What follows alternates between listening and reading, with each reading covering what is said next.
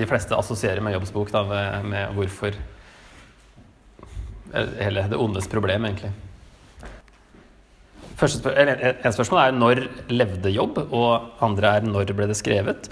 Og da kan vi jo helt tatt spørre har jobb levd? Og altså er det en historisk beskrivelse?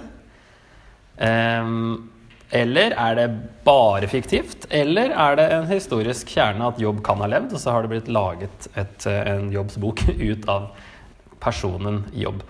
Uh, men det er vanskelig å datere. Det er forslag fra 2000 til 300 før Kristus.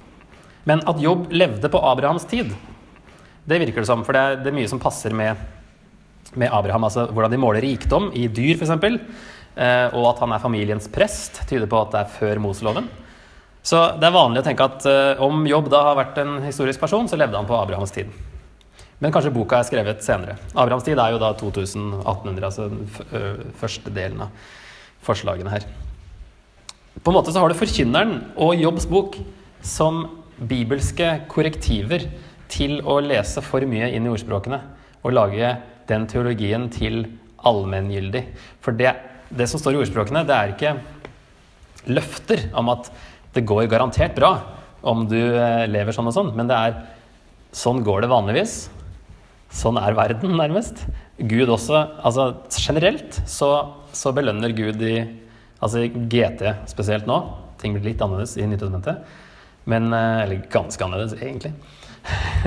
Men i hvert fall så er det eh, de gudfryktige de blir generelt velsigna. Men så har du da Jobbs bok og Forkynneren, som tar for seg den siste kanskje 10% der det ikke går sånn, for å liksom balansere det litt. At det her ikke lag det her til en vanntett teologi. Hvis jeg har nå en liten oversikt over boka, så begynner det med den kapittel 1 og 2, som er en slags prolog. Og der sier Gud at jobb er Rettskaffen er liksom ikke et ord vi bruker til vanlig, men det er altså en eh, Av og til kan det brukes rettferdig, altså en eh, god person som det ikke er noe Og det står vel From har de faktisk endra. Det sto hederlig i forrige utgave, og så har de begynt å bruke from. Jeg ville heller gått motsatt vei i hvilke ord jeg syns var mest moderne, men um, from og rettskaffen, som frykter Gud og unngår alt ondt, står det i vers 8. Så der får vi i hvert fall vite at han er en bra kar, som det ikke er noe å utsette på.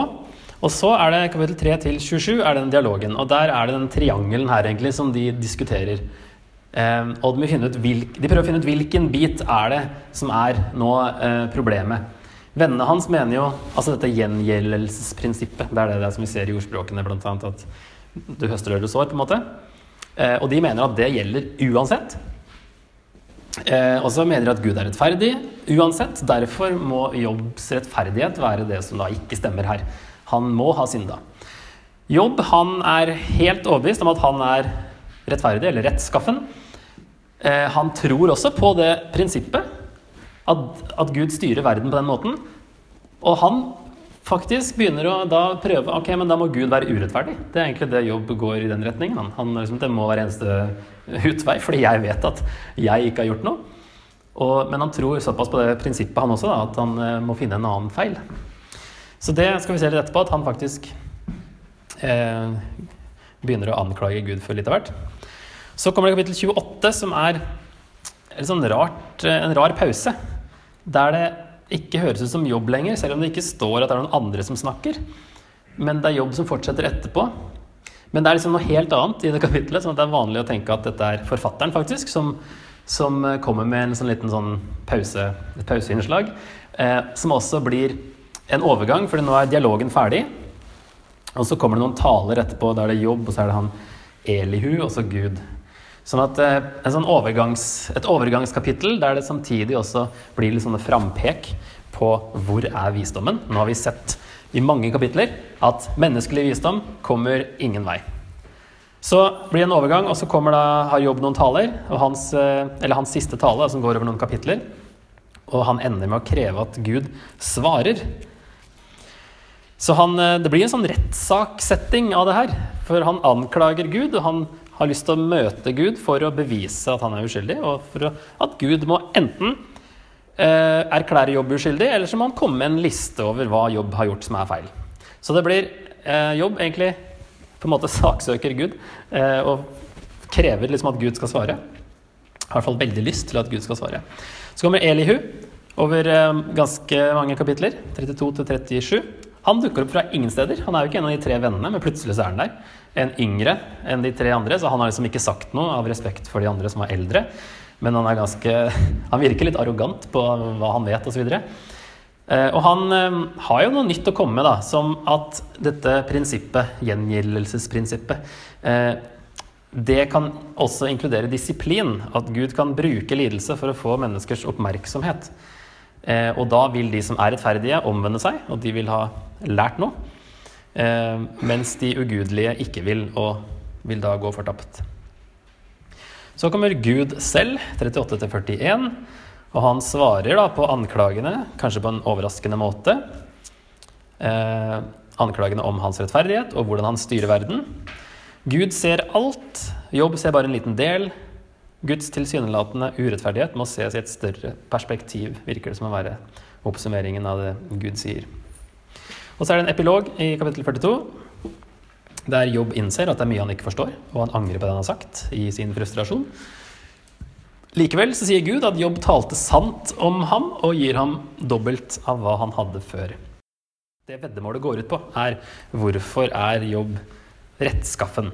Hva er det som gjør at han eh, frykter Gud? Men det er på en måte spørsmålet som stilles, og så må vi spørre hva handler da boka om?